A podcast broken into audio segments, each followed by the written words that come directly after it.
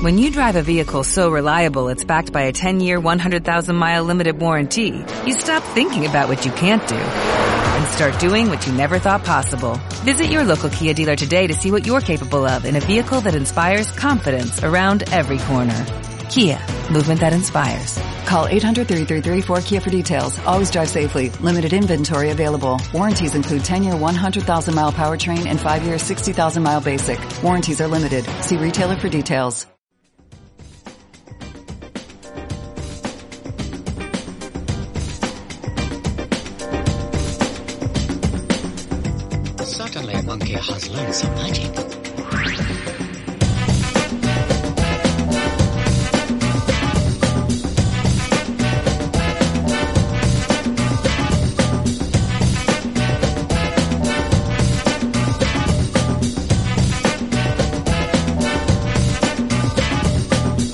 Benvinguts al podcast de Lúdica. El tema de la tertúlia d'aquest programa són els videojocs de terror i els seus diversos subgèneres. Un tema que personalment celebro que tractem, Marc, perquè el terror és un dels meus gèneres predilectes i a més estic content que l'abordem amb algú que s'hi dedica de fa temps i entén i a més domina la qüestió. I tant. Per si algú no ho sap, us recordo que podeu veure en directe com gravem les tertúlies dels programes al nostre canal de Twitch. Sol ser a principis de mes i podeu participar durant el directe amb preguntes o reflexions. Si teniu Amazon Prime, a més, ens podeu regalar una subscripció de Twitch sense que us costi ni un euro. Només cal que enllaceu el vostre compte d'Amazon amb el de Twitch i que pagui en Jeff Bezos. Exacte. Uh, abans d'entrar en matèria, però, uh, en Jan repassarem ràpidament els últims articles publicats a ludica.cat i els videojocs que hem recomanat del mes d'octubre. Què hi ha de nou, Jan? Doncs tenim dues notícies per començar que estan relacionades amb la indústria local. D'una banda, eh, FanPlus Barcelona vol doblar el nombre d'empleats. I per l'altra banda, Activision ha adquirit l'empresa barcelonina de jocs de mòbil Digital Legends, una de les més importants del país. Tenim un article d'en Joan Galí, que és Calibrant el Karma. I entre missatges i notificacions d'Eduard Debat, un recomanat temàtic. També eh, un, hem publicat una crònica d'en Xavier Muntada sobre l'Indie Dev Day, que ha desbordat expectatives en la seva edició 2021. Ben interessant. Passem als recomanats del mes d'octubre.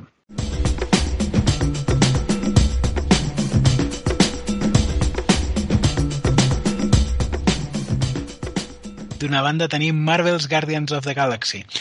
En Marvel Guardians of the Galaxy, Eidos Montreal ha tirat cap a una banda ben diferent de la de Marvel's Avengers. Per sort, a diferència d'aquell plantejament ambiciós, però que a l'hora de la veritat ha estat un bull i no puc, però el videojoc de la banda de pirates siderals amb bon cor de la Casa de les Idees, Eidos Montreal ha optat per una campanya per a un sol jugador. Star-Lord i la seva impredictible família disfuncional galàctica solquen el cosmos a ritme dels millors èxits del rock i el pop dels 80 i salten també de sarau en sarau a bord de la seva nau Milano. L'experiència és tan divertida com intensa amb una història sòlida, combats dinàmics, acció vibrant en tercera persona, bona gestió d'aliats, sentit d'humor marca de la casa i un disseny artístic a l'alçada de les pàgines que poblen Peter Quill, Rocket Raccoon i companyia, els Guardians of the Galaxy demostren que el joc per a un sol jugador encara pot ser innovador i mantenir-nos enganxats a la pantalla. En segon lloc, hem destacat Age of Empires 4. Enguany, Relic Entertainment, mestres indiscutibles del gènere de l'estratègia, ens porten una quarta entrega de la sèrie Age of Empires, que és un autèntic equilibri entre la fórmula clàssica i una necessària actualització. Un dels aspectes més millorats són les fortificacions, que donen peu a setges més complexos i realistes, però també és molt interessant l'aproximació pedagògica que planteja el mode campanya amb una narradora i introduccions amb imatges reals i petits documentals i fitxes desbloquejables que expliquen tota mena de fets històrics. És molt recomanable per tots els amants de la història i dels jocs d'estratègia. Metroid Dread. Ens trobem, sens dubte, en una època esplèndida per als Metroidvania, i en temps com aquests cal celebrar que apareguin noves entregues de les sagues que van donar nom a aquest subgènere de videojocs no lineals d'acció i aventura amb trencaclosques i plataformes. Mercury Steam, que ja van renovar i actualitzar la saga Castlevania, han estat també els encarregats d'ocupar-se de la nova aventura de Samus Aran. L'estudi madrileny capitanejat per Enric Álvarez introdueix la tensió i l'horror, dos ingredients que han format sempre part de l'ambientació de les dues propietats intel·lectuals, però que mai no havien caracteritzat la jugabilitat dels seus videojocs. La varietat dels escenaris, tots ells interconnectats, ens empenya a explorar i l'agilitat de moviments de Samus i la fluidesa de les animacions fa que resulti tot un espectacle contemplar el joc. Una delícia tant per als fans de la llicència com per a qualsevol amant del gènere. Si voleu saber-ne més, teniu la versió completa d'aquestes tres ressenyes a l'article de recomanats d'octubre.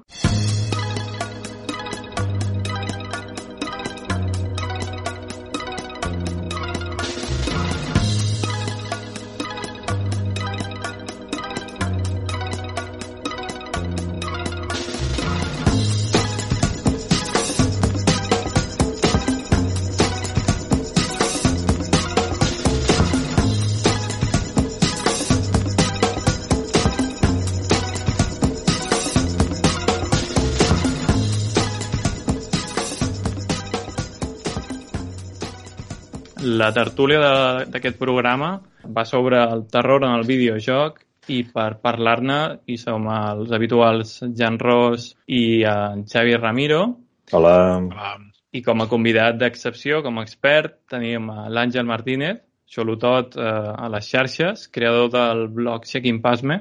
Benvingut. Hola, Uh, Yes. per començar, doncs, el que sempre es fa, no? Explica'ns una mica el, el, el que feu en el, en el vostre blog, perquè és específicament de videojocs de terror.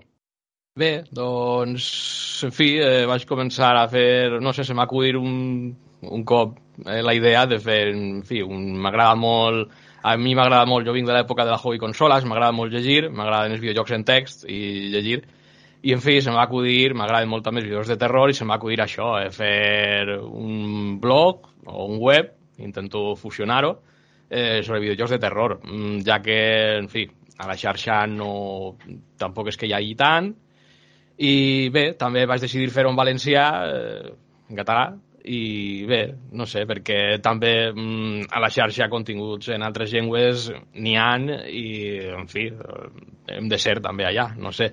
I a més, avui en dia no hi ha excusa, que avui en dia el, el navegador té el traductor automàtic. Mm, sí, sí.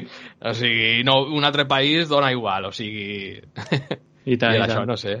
Sí, sí. Molt bé, doncs eh, avui per, per començar a entrar en matèria, ja que el, el terror realment és un gènere que, que és molt prolífic en el, en el cinema, en la literatura i en el videojoc també, no, no queda gens curt, doncs comencem una mica fent el, el repàs de, del, dels primers videojocs no? de, de terror i com que tu ets el nostre expert de capçalera avui, doncs et donem una mica el, el paper aquest de, de posar-nos en res, uns minutets, una mica de context d'on venim.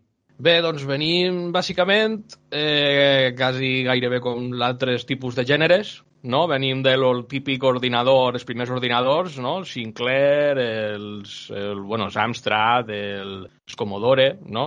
Eh, venim d'aquesta època, principis dels 80, primers videojocs de terror, el que primer que se coneix, possiblement el coneix tothom, que és aquest del dinosaure en un laberint, tres de Monster Maze, com la, no? el laberint del monstre en 3D, i era un joc en primera persona, que tu anaves desplaçant i, clar, en algun, en algun cantó podies trobar-te amb aquest dinosaure pixelat. era així, i això era, i clar, i si te topaves de front, quasi que game over. Igual podies, podies girar, però eh, t'atrapava. Era un joc del gat i el ratolí, bàsicament. I bé, també per aquella època també hi havia bastantes aventures de text, que fins i tot hi ha una de Alien l'octau passatger, va entrar una abertura de text, però clar, eren il·lustracions i text, que això no fotia por gairebé. O sigui, era com llegir un llibre de terror. Tenies que donar-li al coco i a la imaginació. I, clar, eh, ja, eh, evidentment, com el terror busca no? crear sensacions, eh, en fi, ensurts, agafar-te per sorpresa, etc. podríem dir que fins allà ven entrar dels 90, no? Bàsicament, amb Alone in the Dark. També tenim el de NES, també tenim, bueno, abans tenim Nintendo, el Sweet Home, però, en fi, era un RPG, era com un Final Fantasy, però de terror, bàsicament, no? Que com vas per torns, en fi, havia una trama... Ahir ja se podria dir que ja, eh, ja en els gràfics ja podies donar una mica de canguelo. Però és això, jo crec que fins a Alone in the Dark, no?, 90, i ja amb la perspectiva en 3D ja l'amenaça se torna més real i l'acció és directa. Ja no ja com vas per torns, ja és... En fi, ja és una mica més com el que veiem al cinema, no? Eh, l'acció era... l'amenaça era més, més directa, més real. I bé, i què més? Eh, ja, eh, fi, l'eclosió ja, no? Seria amb Resident Evil, el primer Resident Evil, que també se podria dir que és una mica de plagi d'Alone in the Dark. però portada més, no? més combinada, més ben manufacturada i, i comercialitzada. I bé, i jo crec que a partir d'allà no, Resident Evil ja ja crea l'escola no, del survival horror, ja mm. del videojoc ja de terror definitiu ahí, en un cuny, survival horror, que no tenia per què ser així, perquè, en fi, és això, teníem jocs en el passat, en l'època dels ordinadors, teníem jo, eh, jocs que eren en plan eh, apocalipsis zombi, però, o sigui, en aquests dels dos elements de terror, però tot era molt de menús, text, menús, tal, gestions, en fi, la por no era molt... era ambiental, se podria dir, de la trama.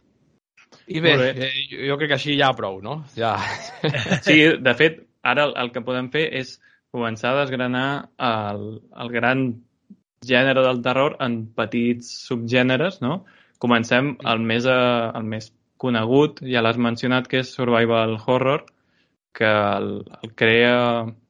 Podríem dir que el crea Alone in the Dark, però pròpiament el nom el crea uh, Resident Evil, és correcte? Mm. Sí, sí, el crea Shinji Mikami, perquè en Alone in the Dark, que el va crear un francès, el Frederic Reinald, ell crec que era un projecte de la universitat o algo que tenia, lo de moure un personatge en 3D per un escenari, i a parlant d'allà crec que va fer l'Alone in the Dark, el, van, en fi.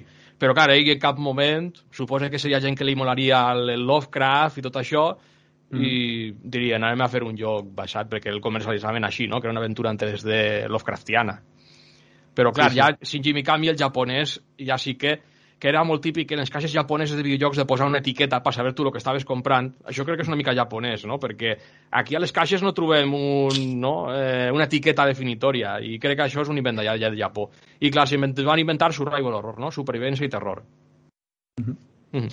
Doncs eh, no sé si estareu d'acord, però jo crec que el, el terror en el videojoc sempre es, es fa a partir de mecàniques d'altres gèneres, no? com les aventures gràfiques o l'acció en primera o tercera persona.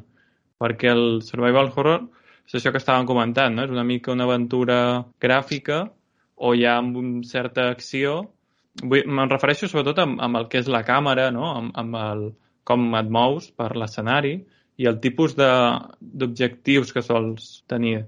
Podríem dir que és una mica com el, el volcat no? d'aventura gràfica, entenent també no només les antigues, sinó les d'avui en dia, i, i l'acció en això, sigui shooter o, o no.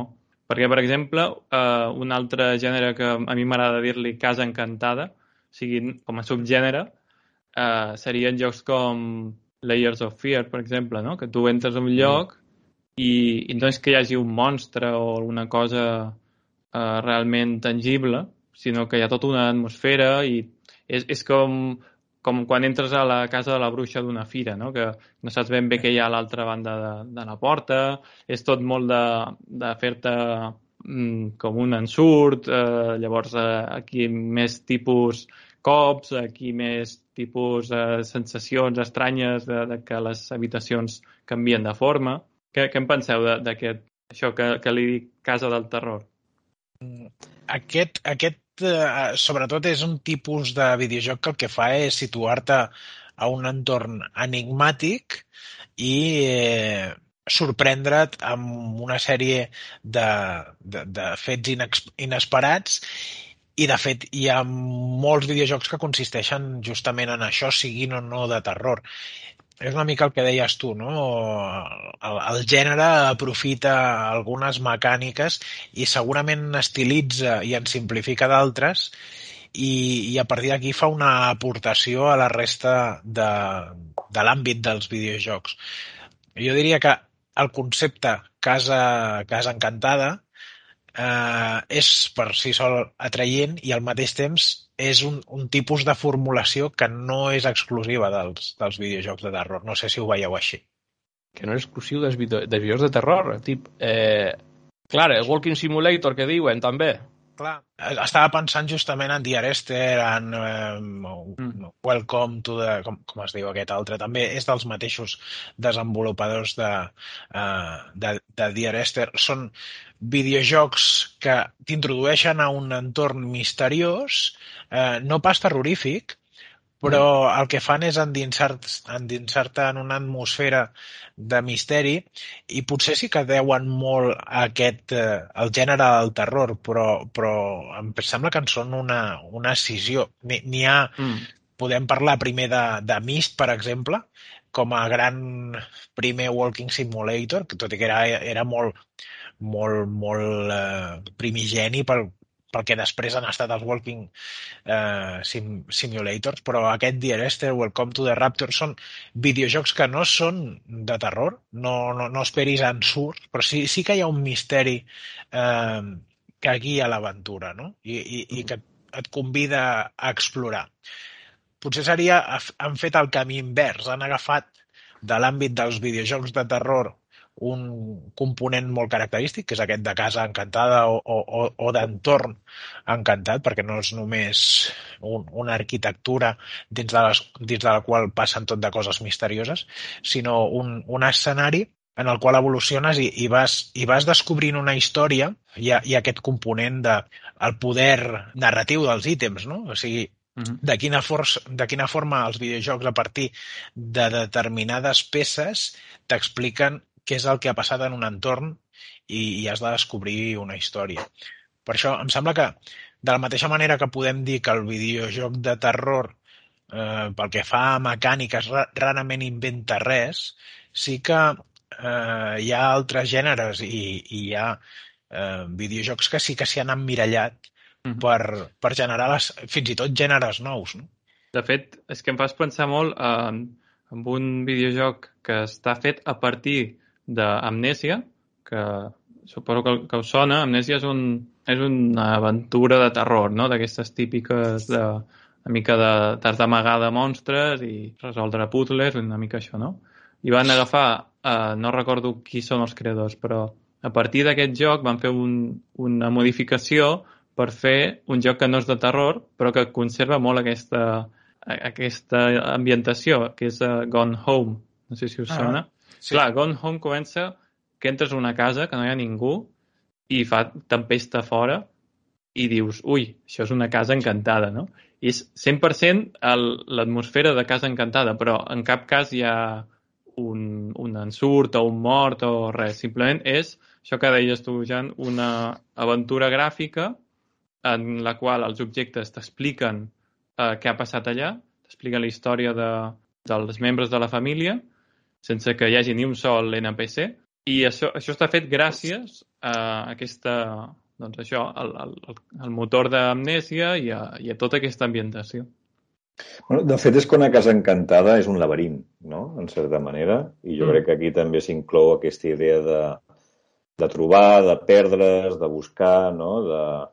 Vull dir que està en, en els videojocs també i sobretot, no? Jo crec que la idea de casa encantada connecta amb la idea de laberint, que dona molta jugabilitat, clar.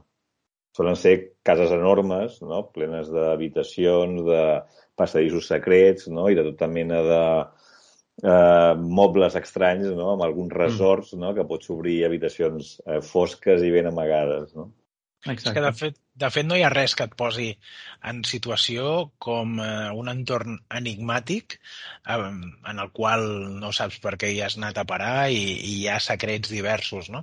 I els videojocs de terror en general aprofiten molt aquest tipus de, de posada en situació, però, però diria que no és exclusiu dels videojocs de terror i, que eh, el que diferencia o el que fa característica aquesta aproximació per part del gènere és que mm, dins del misteri hi ha una cosa que podem donar per segura i és que en algun moment miraran d'espantar-nos. Hi haurà algun, algun enemic que ens eh, voldran calçar, hi haurà el, algun esprit que, que sortirà d'alguna banda i, i potser és, és l'element que menys sorprèn perquè, perquè el dones per segur. En algun moment hi haurà el, algú que t'espantarà. I potser, justament per això, quan estàs davant d'un videojoc que no és de terror i t'espanten, eh, la, la sorpresa és molt més gran, no? I jo, jo m'hi he trobat en, en, en videojocs d'aquests que dius això no és de terror, però m'acaben de fer saltar del, de la butaca. I a vegades per això la, la frontera és una mica difusa, no? El gènere potser podem considerar un videojoc de terror aquell videojoc, la vocació principal del qual és espantar-te o posar-te en tensió, però hi ha molts videojocs que juguen aquest, aquest, eh, aquest equívoc o, o, o aquest recurs de fer saltar de la cadira o, o, o fer, fer saltar com a mínim el comandament. Si voleu, us comento un més, més d'aquests subgèneres que he, he identificat una mica així, sense voler ser exhaustiu. Eh? Per exemple, eh, jocs que són més aviat com un joc del gat i la rata o de fet i amagar. I aquí penso en Alien Isolation, per exemple, no? O sigui, és un joc en el qual tu t'has d'amagar. A mi, personalment, aquests són els que més angoixa em fan. o sigui, jo no, aquests no m'agrada gaire jugar-los. Tu, Àngel, et veig, et veig bufar. Eh, sí, no, és que sí, la veritat és que és un joc que depèn del dia no, no t'avellis de jugar-lo perquè has d'invertir temps i paciència i a vegades un no, en, t'aixeques del llit i no tens aquestes... No. sí, perquè és tota l'estona morir, morir, eh, provar coses i morir, provar coses i morir, provar coses i morir, corre, corre, corre... Clar, és estressant. No sembla, sí, no sembla el millor pla, no? Sí. No sé que hagis tingut un dia massa bo i vulguis patir una mica. Perquè realment té aquest punt masoquista, especialment aquest, aquest subgènere, perquè no et pots defensar. Uh, jo crec que la gran diferència amb el que comentàvem abans, no? la casa del terror, o la casa de la bruixa, o com li voleu dir, és que allà tu estàs més o menys tranquil perquè el que et faran és espantar-te, fer-te un ensurt, però en realitat no, normalment no tens la, o sigui, no tens el perill de mort. Simplement estàs allà en un, com un terror més psicològic, més de, això, també del, des, que t'espantin, però en aquest de, de fet i amagar és que mm, has d'estar constantment amb la guàrdia alta i, i això, i que t'està matant constantment. Un altre, un altre dels recursos que tenen aquests videojocs per posar-te en tensió és eh, desequilibrar completament la balança. És a dir, mm, fer el jugador conscient que amb els recursos de què disposa no pot fer front a l'enemic que té al davant. És a dir, eh, potser aquest és un dels ingredients principals del, del survival horror, no? Eh, quan està ben fet és eh, haver de mesurar molt les teves pròpies forces perquè el que tens al davant són monstres, monstres sobrenaturals que tenen una força que també és sobrenatural i per tant són capaços de, de fer amb tu el, el que vulguin. Aquest neguit, aquesta angoixa de saber-te perfectament sobrepassat en tot moment durant l'aventura, és, és el que caracteritza en general els videojocs de terror. El que passa és que hi ha sagues de terror que han convertit aquesta experiència en una evolució constant del personatge per aconseguir revertir aquest equilibri de forces, no? Per, parlàvem abans de Resident Evil. Mm -hmm. Resident Evil, d'entrada, són videojocs molt exigents, però arriba un moment en què tu vas tan dopat i, i tens un arsenal tal que pobre del zombi o del monstre que se't posi al davant, no? Mm. En això que dius, eh, el que més em, crec que és un exponent d'això és uh, Dead Space, que, que aquest sí que és molt més ja d'acció directament, d'acord? És una acció en tercera persona i eh, terrorífic, però és acció, no? I al principi sí. és purament fugir, no? Sí. I, I jo al final ja em sento una mena d'exterminador perquè vaig fins a dalt d'armes i ja estic curat d'espant. Tu, Àngel, eh, hi estàs d'acord? Jo, bé, igual, clar, són coses personals. Jo és que al Dead Space, cap al final, no sé, jo vaig notar que constantment, o sigui, van, van saber equilibrar bé el joc. O sigui, sí. no, no vaig arribar en cap moment a, a sentir-me un Terminator. Sí. No? O sigui, sempre, sempre sortien enemics que havia que matar-los d'una manera diferent, o sortien molts, o... Anava mm. sempre bastant just. O sigui... Això, això, jo diria que això només passa quan tu t'has passat el, el joc un parell de cops i, i, i has aconseguit eh, convertir totes les armes en, en canons ah. exterminadors, no? Però si no, difícilment. Mm, però hi ha com dues evolucions. Una és la, la que és mecànica, no?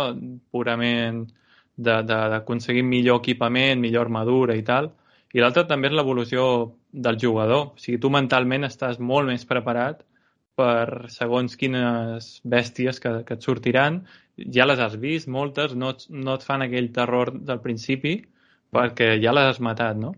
Per això crec que és un, és un exemple molt bo. També, ho, ho dic en positiu, o sigui que, el, que a mi m'agrada bastant aquesta evolució perquè no sigui purament un joc de terror. És a dir, jo, si no, m'hauria carregat massa, no? A mi, eh, jo crec que um, el vaig gaudir més, o crec que més gent el pot gaudir, per aquesta superació que fas al llarg del, del joc. Mm. Sí, ac- m'acabes de recordar, per lo que acabes de dir, m'acabes de recordar almenys l'experiència personal que vaig tindre amb el The Evil Within, que el The Evil Within em va semblar que començava sent una mica Silent Hill i acaba sent un Resident Evil 4. Sí. Em vaig aquesta sensació. Com que al, al final havia moltíssima acció, se va tornar tot molt Resident Evil 5, 4, 5, Sí. i ja, o sigui, sí, sortien coses estranyes, havia, havien coses molt paranoiques i tal, però, no sé, era molt shooter. Acaba sent molt, no sé, bueno, shooter no, però... I és això, al principi d'Evil Within m'agrada molt, però al final no, no sé, m'ha deixat... No sé per què, igual és que, no sé, però Jo, em va deixar mal sabor de boca, no sé. coincideixo molt en la teva opinió.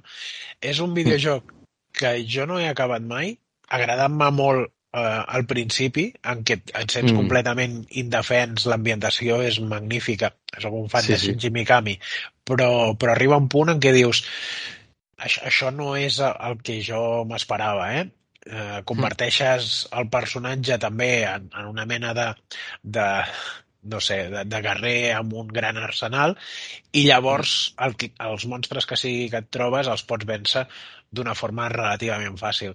Crec que en, en això, d'això se n'ha parlat molt, però podríem qualificar-ho de despropòsit quan el, un videojoc que és de terror, que segurament és un gènere minoritari, aposta clarament per l'acció, en el fons està, està traint el, el, el propi gènere i segurament normalment es fa per aproximar-se a un públic més gran, però, però és delicat, eh?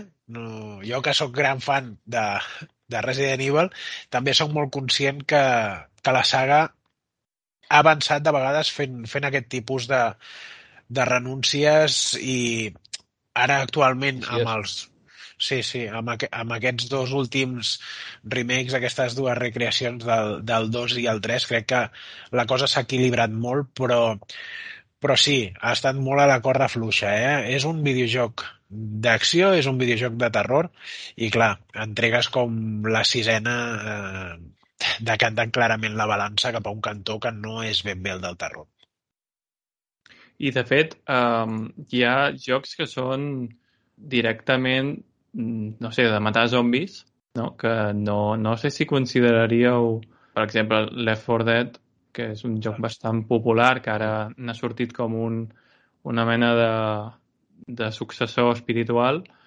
Um, vull dir, el consideraríem de terror perquè lògicament no fa terror. Tu, es tracta de, de matar molts zombis, vas ben armat, sí que, sí que és un repte, però no sé, eh, estan a, a la frontera, no? O sigui, què entenem per terror? L'ambientació o, o realment que et faci passar por? Bueno, és que els, els zombis estan a la frontera del terror.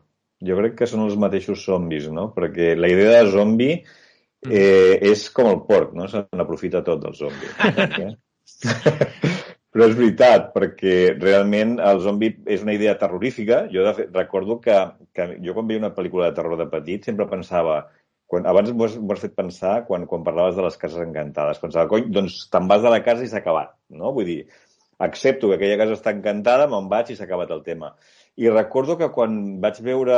Em penso que la primera pel·li de zombis que vaig veure va ser Dawn of the Dead. O sigui, no va ser la, primer, la, la, la, la nit dels morts vivents, sinó la, la Dawn of the Dead. I pensava, ostres, això sí que és terrorífic. El món sencer ple de zombis, no? Sense escapatòria, no? Però això també fa... Per, per, o sigui, per una banda ho trobo terrorífic i, de fet, encara de Last of Us encara és la mateixa idea, no? Vull dir, a dia d'avui. És com, el món s'ha acabat, s'ha perdut i jo estic vivint... En... O sigui, l'estrany sóc jo que no sóc zombi, no? Pràcticament, hi ha aquell moment de...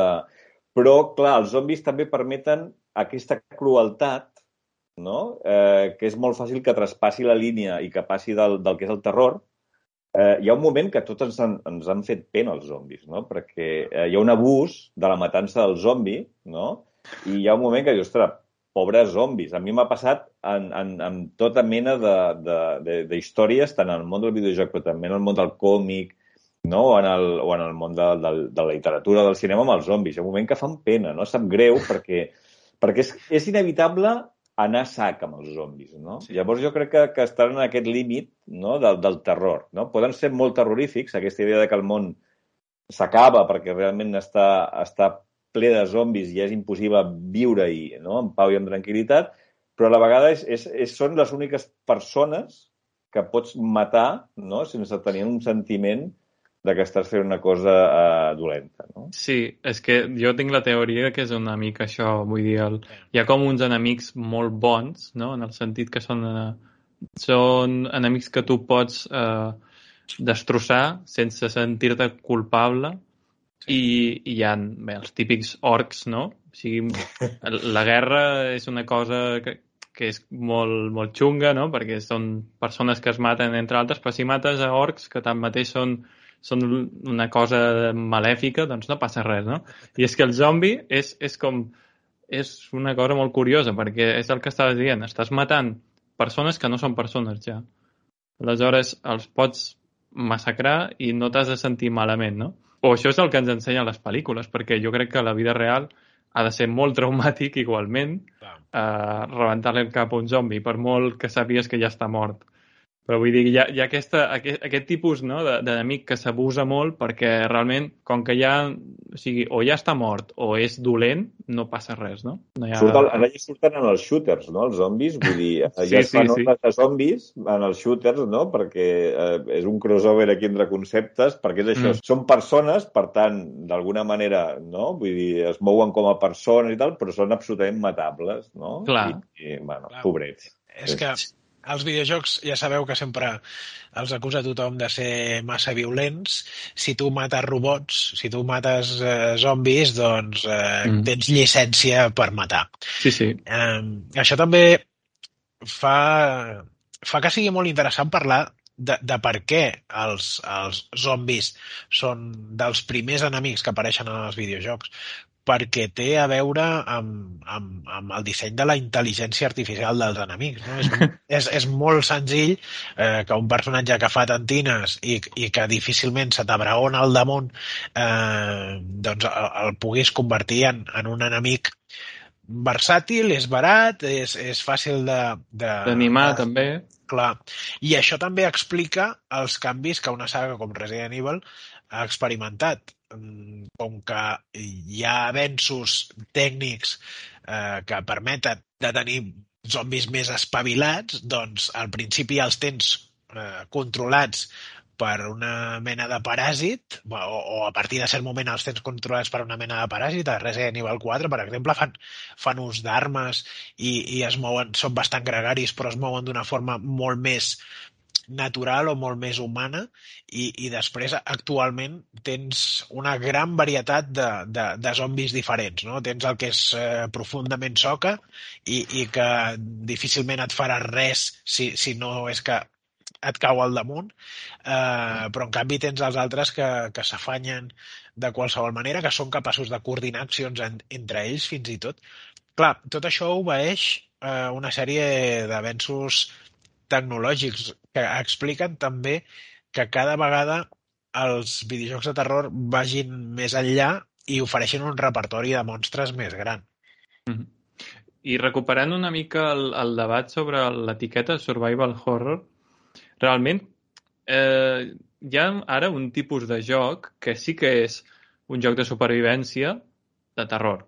No? Per exemple, eh, hi, ha, hi ha Green Hell, no? O sobretot va ser conegut The Forest, que és un, és un bueno, causa una illa no? on hi ha una mena de caníbals mm, super assassins, eh, una cosa bastant terrorífica i que a més és molt difícil sobreviure, no?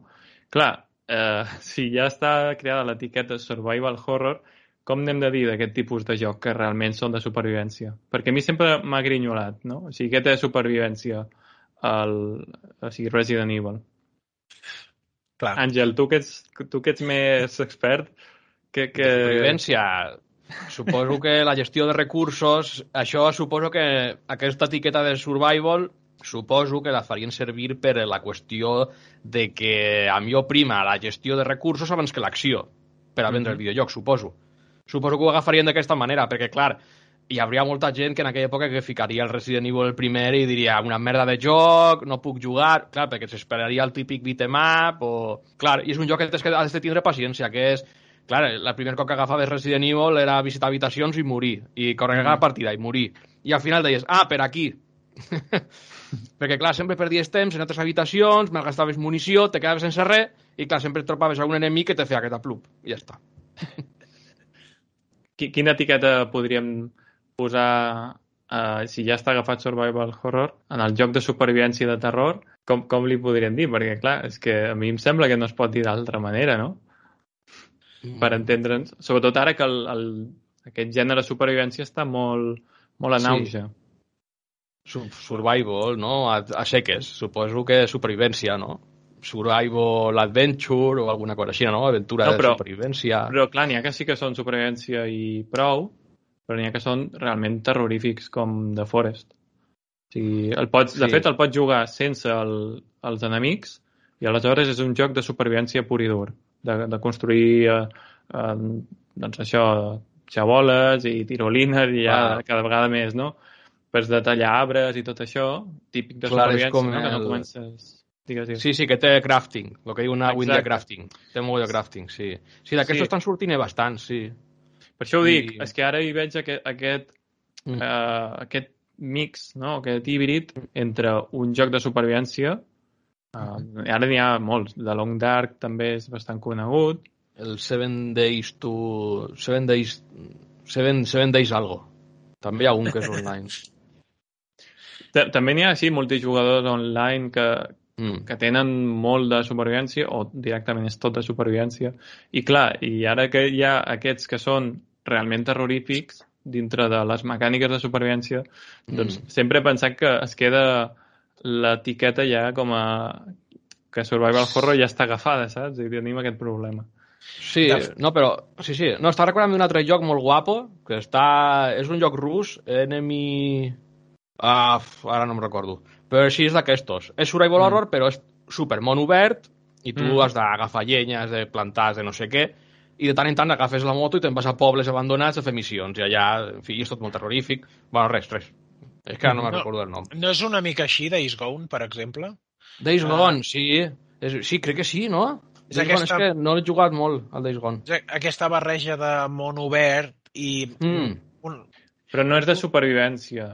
És a dir... Té un, potser té un concepte més ampli de supervivència. Seria, sí, jo crec que aquest seria més el concepte com el Resident Evil, vull dir, de gestionar els recursos que són escassos, però no en pla, doncs ara necessito talar una, un bosc mm. per fer-me una cabanya, saps? Sí. De fet, parlem de survival horror, però dins del survival horror hi ha hagut evolucions. Hi ha etiquetes com action mm. survival, per aquests videojocs de, que tenen una ambientació de terror però fan aquest èmfasi en l'acció. Parlàvem de Resident Evil però hi ha, hi ha altres sagues. De fet, The Last of Us, tot i que és survival horror, jo diria que també hi ha un èmfasi molt gran en l'action survival. Després, mm, el, potser és un experiment fallit, però havíem parlat abans de Resident Evil 6, té un, un, un títol així, l'Àngel ens ho deia abans, no? És, és uh, cinemàtic i, i teàtric. Drama, i, drama, drama, no sé què, action, no sé Drama, què. horror, no sé què. és a dir... Clar, és, és que The Last of Us, per exemple, a mi no em quadra com a survival horror. O sigui, sí que té no, moments no. Que, que, que ho són, potser, no? Hi ha com escenes o, o situacions que sí, però llavors té moltes altres que eh, t'alleugen. És més eh, jo què sé, més, més drama potser, això que estaves dient ara, més de buscar la part narrativa i intercalar moments com de, de tendresa, moments de tranquil·litat, d'exploració fins i tot, i, i evidentment moments de, de supervivència, de terror i, que, i, i moments també que això fa molt, jo crec que copiant a The Walking Dead, que el, el que fa més por són els altres humans, no els zombis. Clar. Això, això és un, un, una constant dels, dels mons apocalíptics, però sobretot dels, dels mons eh, apocalíptics de zombis. Veus de seguida que els monstres, doncs, per força són monstres, però, però que no hi ha res més monstruós que un humà que, que necessita guanyar-se les garrofes a vegades per, per salvar els seus, no? Hi ha gent disposada a fer coses horroroses per sortir-se'n, n'hi ha d'altres que, que senzillament per, per aconseguir ser els primers de, de, de la cua i, i, i emportar-se qualsevol bestiesa, a vegades no, és com bastant ridícul, és una constant del gènere també aquesta, no? I... Bueno, és terror sí... Eh, perdó, perdó, Jan. Digues, No, no, no, no, dic que sí, que sí, que... Digues, digues, Xavi, perdona.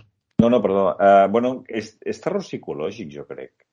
Perquè, eh, per exemple, el The Last of Us 2 uh, estan molts dels personatges, dels protagonistes, uh, estan a punt de perdre la, la cordura, no? Vull dir, són persones que, que estan al límit perquè viuen en un món que, que s'ha acabat d'alguna manera, no? I pel que diuen Jan, no? Perquè els monstres ja no són només els monstres, sinó és, és tothom, no?, el monstre.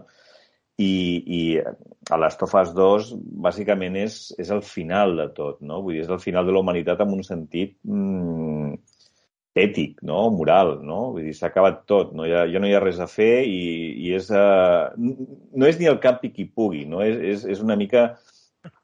És, és, és, és més, va més enllà d'això, jo crec, no? És, I, per tant, d'alguna manera, és com si mm, ha passat massa cosa i tothom s'ha tornat una mica boig, en certa manera, no? Vull dir, ja no hi ha ningú que realment es pugui mantenir en, en un espai de, no sé, de com dir-ho, no? En un espai d'una certa claretat, no? O d'un cert eh, autocontrol, no? Sinó que, bueno, llavors jo crec que això és el que és realment terrorífic de, de Last of Us, no? I el que tot preguntes quan jugues a jocs així és què faria jo, no?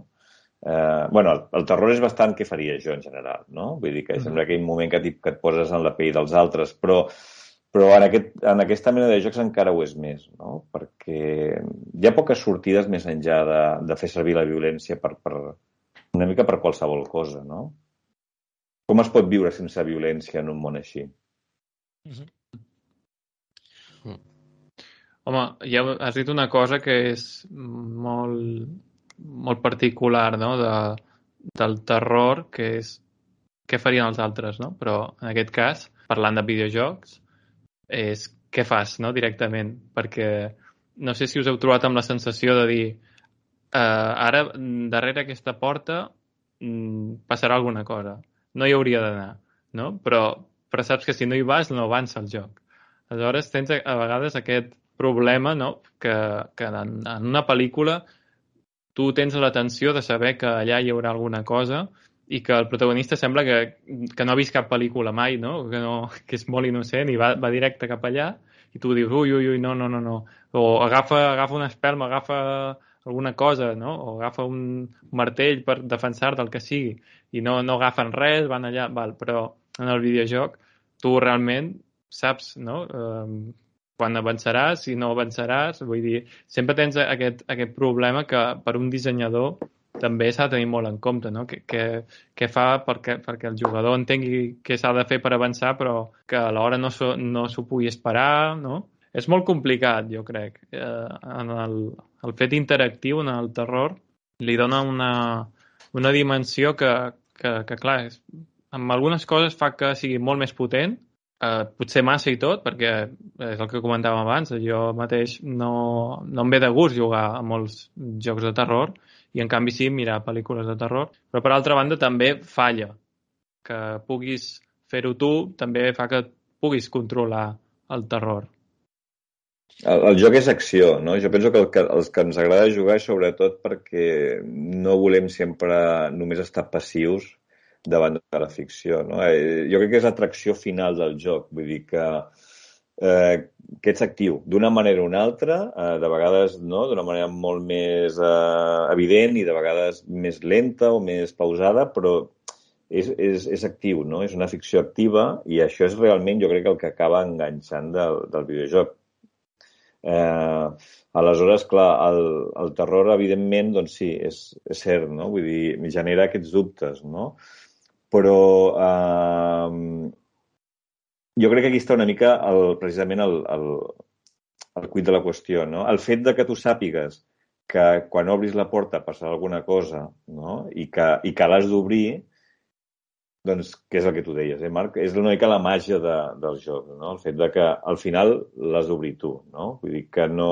T'has d'enfrontar d'alguna manera a aquella situació o tancar la consola o tancar l'ordinador, no? Exacte. És, és, és tan important això que dieu que fins i tot, ara, eh, ja que hem parlat de Resident Evil, les portes hi tenen una presència que tècnicament amaguen el temps de càrrega necessari per carregar un ambient nou, eh, però al mateix temps es converteixen en, en aquell lapse en què el neguit pren protagonisme, no?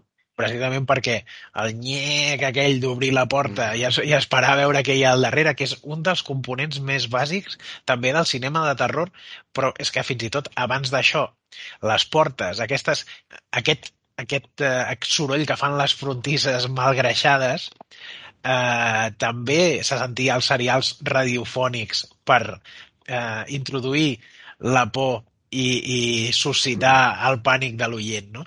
Això és comú al, al, so, a la narració més bàsica. De fet, quan expliquem una història eh, en un foc de camp, també fem el nyec típic de la porta. Eh, també en els serials radiofònics, en el cinema i en els videojocs.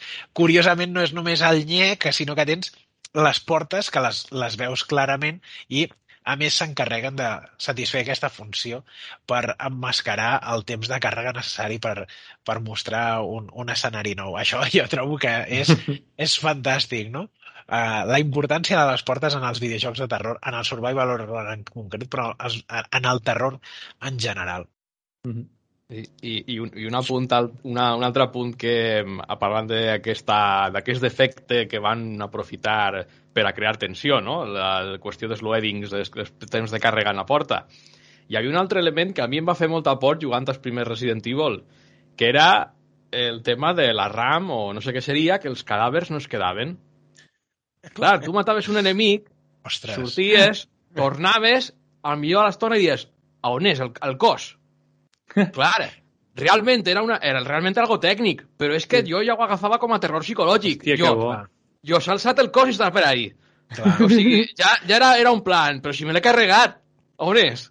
És, és, és molt fotut això perquè eh, comparteixo la sensació completament i a més, en el cas de, de Resident Evil, el que necessites fer perquè tu saps que s'aixecaran de nou els cadàvers és cremar-los però és que, sí. però és que també un cop els has cremat molts desapareixen i arriba un punt que dius però, però és que no serveix per res res que estic fent, me'ls acabaré trobant igualment molt bo i, bueno, una cosa diguéssim negativa que, que té per, per la, meva, la meva manera d'entendre-ho el videojoc, no?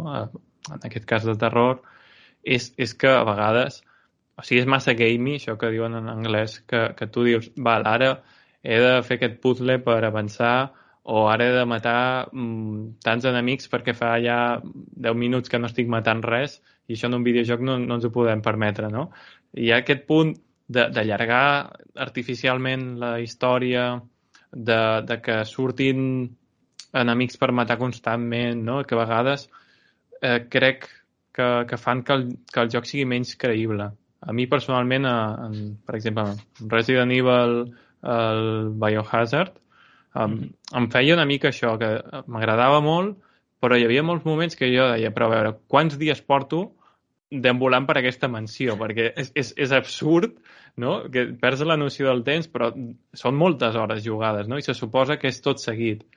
I clar, i clar m'agradaria que fos més curt, que no hi hagués aqu aquesta necessitat d'allargar els jocs, mm, perquè és que realment fa que, que, el, que, que la trama se'n ressenteixi, no? O que ara ve el, el combat contra un, un cap de, de final de fase perquè ja toca. Vull dir que són coses que a mi eh, em treuen més de la ficció que altra cosa, perquè és, és una mica...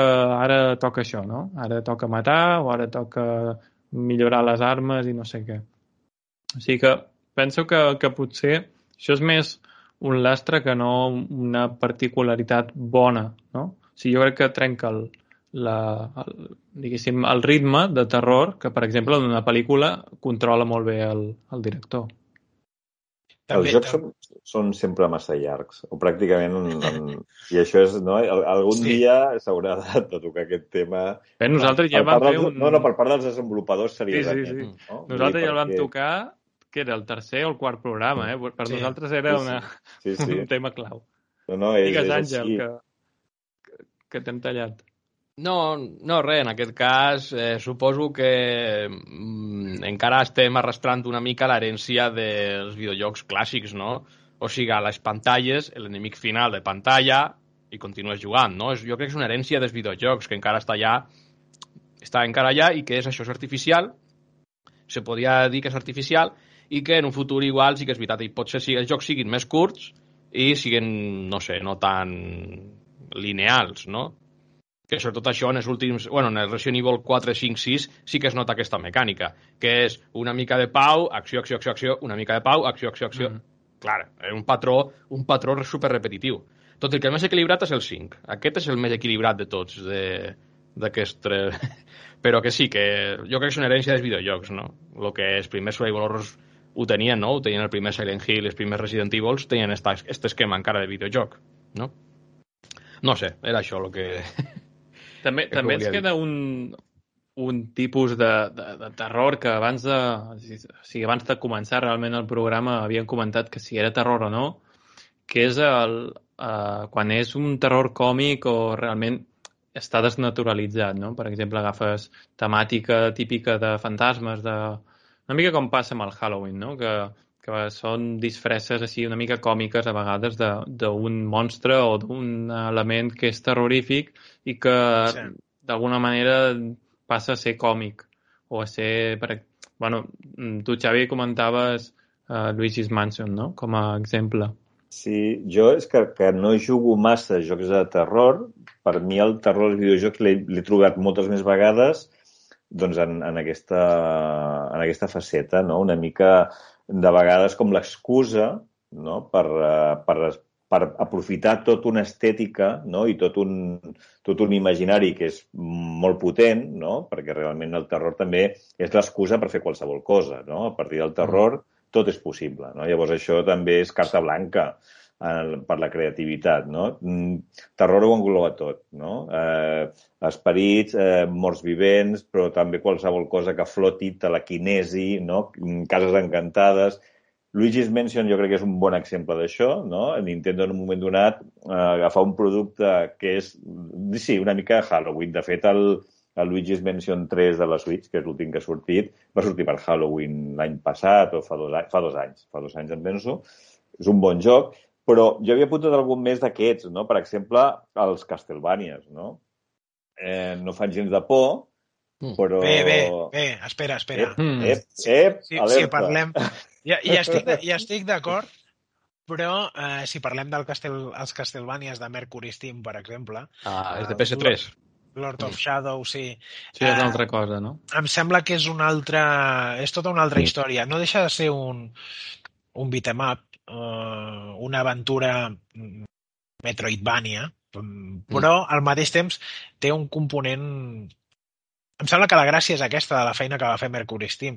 Mm. Uh, D'una banda, és un videojoc brillant des del punt de vista argumental, d'aquells que té un final que recordes per sempre, i no farem spoilers, però, però al mateix temps té la virtut que agafa l'ambientació original de la saga i, i es creu realment que és un videojoc que no consisteix només a, a, a fotre llenya a homes llop, a vampirs i a mostres de tota mena, sinó que, a més de ser aquesta gran enciclopèdia d'éssers sobrenaturals, també fa una cosa que va més enllà i, i, i, es creu realment la seva vocació de, de videojoc de terror, co cosa que no havien fet la majoria de Castlevania, en això estic d'acord amb tu, Xavi. Eh? Per, per això, de fet, jo sí que el posaria, posaria els Castlevania dins de l'àmbit dels videojocs de terror, però únicament en el cas dels, dels Castlevania de Mercury Steam, que justament són els desenvolupadors del nou Metroid de, de Switch, que és una saga que també comentaves tu abans, que teòricament no és de terror, però que té aquesta faceta que n'aprofita eh, n'a- n'aprofita una sèrie de components no? i té una ambientació que sí que pot eh, pertànyer a, a aquest àmbit. I Bueno, connectant... Perdona, perdona. No, Digues, no, digues. és clar, és, és, és, estic d'acord amb tot el que dius. Clar, és, és la riquesa, per això també volia dir, no? Els, els, els Castlevania clàssics, els, el que fan és... Eh, el terror és una excusa perquè a partir d'allà genera doncs, tot un art no? que, que veu doncs, de, de tot un imaginari superpotent no? I, que, i que fa que el, que el joc doncs, que no fa por, no? els primers Castlevania no, no fan cap mena de por, però sí que, que són molt potents conceptualment. Llavors, una mica eh, volia dir això, no? El terror, com a, no tant per fer por, sinó per aprofitar tot un imaginari estètic no? eh, superpotent eh, que, que, dona, doncs, bueno, que dona una força que potser els Castlevania hagués estat una història molt més neutra, no? d'algú que, que explora un indret no? amb persones o que disparen o alguna cosa així, no tindria aquesta, aquest encant o aquesta màgia. No? Jo dins d'aquests eh, videojocs que aprofiten l'imaginari del terror però que tenen un enfocament còmic, que tenen una consideració especial, també hi afegiria Medieval, de, de Guerrilla Cambridge, que és un, un joc del 1998 que ha tingut després eh, revisions mm, totes molt interessants, i Ghostbusters, que és el, el, el videojoc de, basar en la saga dels caçafantasmes, que és un, un videojoc que no és de terror, però que em sembla que fa una feina excel·lent eh, com a videojoc i al mateix temps com a homenatge a la pel·lícula. És aquesta, aprofitar l'àmbit d'allò sobrenatural i allò una mica eh, spooking, diuen en anglès, no? Una mica... Mm. Terrorífic. No sé, que és terrorífic però a més té un, un component que és un, un calfred com que t'espanta una mica però et fa gràcia al mateix temps, no? Sí. Inofensiu, no? Sí, sí, sí, sí, sí. Doncs, a veure, no ens queda molt de temps, o sigui que ara m'agradaria donar la paraula a l'Àngel i que Sí. ens, ens recomanis eh, bueno, que pots dir el que, el que vulguis aportar si t'ha quedat alguna cosa, però sobretot que ens recomanis un joc que faci molta por i potser és el mateix o no, un joc que t'agradi molt de, de terror que vulguis recomanar. Bé, eh, sí, abans, lo que estava, abans de recomanar alguna cosa, sí que vull fer una aportació, perquè, per exemple, m'estava recordant ara mateix de SpongeBob Massacre. És, és, un, és un joc indie, és un joc indie que hi ha en, en Itchy, en Mm. aquesta pàgina web d'indis. I Sí. clar, és que és, està basat en l'univers de Bob Esponja, però hi dona mal rotllo. Estèticament és com els dibuixos de Bob Esponja, i la trama és que eh, és una trama és que crec que ha desaparegut, no sé si era el um, l'encarregat aquest de, que té Bob Esponja a la seva empresa i Bob Esponja porta uns dies tancat en sa casa. I tu eres un madero de Beach City, de Bikini City, i entres dintre de la casa de Bob Esponja i està tot oscur, i clar, està Bob Esponja allà que estàs tot psicòtic i és que dona por perquè és que te surt per darrere és, i, i està tot super oscur i l'estètica de Bob Esponja i dius tu, hòstia, i dona por i la idea és boníssima, sí, sí. No, en Indies n'hi ha també, n'hi ha també algo així, algo així paregut, però en Ronald McDonald's, que també, clar, el pallasso allà de... Ja, jo crec que tot sol Ronald McDonald espanta prou, eh? Sí, sí. Sí, sí, que hi ha coses, en fi. I res, i no sé, recomanacions. A veure, uf, jo que sé, és que hi ha tants jocs, no sé. Eh, recomanacions ara mateix, jo recomanaria jugar a, a l'Horror Tales de Wine, ara que ha sortit fa poc, D'en Carlos Coronado, sí. Mhm. Ja de Carlos. Coronado, perquè a mi va, em va fotre por. Va aconseguir donar-me ensurts. O sigui, Ja. només ho esperava i pum, Sí, i sí. hòstia. I no només I- ho fa una vegada, eh? Saps Sí, sí. que te la fotrà i, i et torna a espantar. Exacte, sí, sí, sí. Exacte, i també, i també, eh, també està molt bé el joc de Coronado perquè és que ja jo crec que entra dins no, d'aquesta nova etapa que a lo s'han obert en el món dels videojocs, en la qual la comercialitat igual no és tan important, amb la qual cosa hi ha més llibertat pels creadors. I això és molt interessant. I això és molt interessant. Perquè, clar, el que estàvem parlant abans, que, clar, eh, si tens que fer una pel·lícula de Hollywood, potser la gent vol veure eh, cossos suggerents i acció. I clar, toca ficar-ho. Però si no tens aquest impediment, llavors tens més llibertat. I jo crec que Coronado una mica pot jugar, no?, perquè és una ambientació mediterrània i això potser comercialment no... Fa 10 anys ningú haguera apostat per això, per exemple. No sí, però això, una... això és un tema eh, que, que ens interessa sí, sí. molt a Lúdica, que, i ell ho defensa, i estem molt d'acord, que, que no té per què ser un menys viable, al contrari, que les coses que sí, són sí, molt sí. pròpies tenen caràcter universal si les saps Eh, Exacte. Saps enfocar bé. Que, que és més absurd intentar copiar el lore de Japó, per exemple, no? Quan, eh, quan tu ets mediterrani, no té cap sentit. Exacte, sí, sí, allà, allà estem, sí, sí, aquest tema, sí, perquè hi ha molts indis que intenten copiar un Resident Evil o un Silent Hill i ho fan Clar. malament. Ho fan Clar, malament. és que no faràs millor que els, que els que ho fan, vull dir, és... Clar, complicat. I té més gràcia potser a lo millor eh, agafar una ambientació europea o asiàtica mm. de Tailàndia i fer un horror en Tailàndia a lo millor. Que tingui, que tingui mm, Clar. cara i ulls, que sigui una cosa particular, sí. única, no agafar... En, en personalitat. Exacte, una personalitat, no sé, sí que siga singular, no eh, John en Estats Units, en Los Angeles, no sé, lo de sempre. No sé, i això.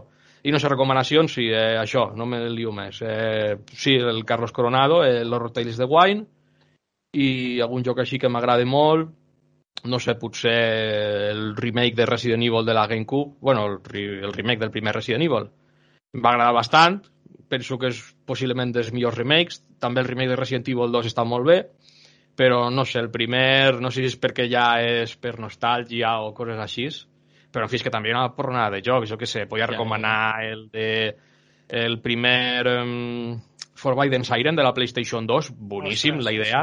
El concepte és boníssim, això d'ajustar i ficat en el cap dels enemics per veure, fer estratègia... És que això era un concepte molt nou, o sigui, unes mecàniques guapíssimes, molt noves. bueno, noves o jo no les vaig veure un altre... No sé, jo crec que no estava en un altre, en un altre lloc. Potser, eh, no sé. Potser a Psychonauts hi ha un, un, un, una aproximació similar, però no és un videojoc de terror. Mm. Bé, doncs, eh, no tenim temps per, per sí, més, sí. lamentablement, com sempre se'ns passa bastant ràpid. Moltes gràcies, Àngel, per acompanyar-nos avui. Encantadíssim.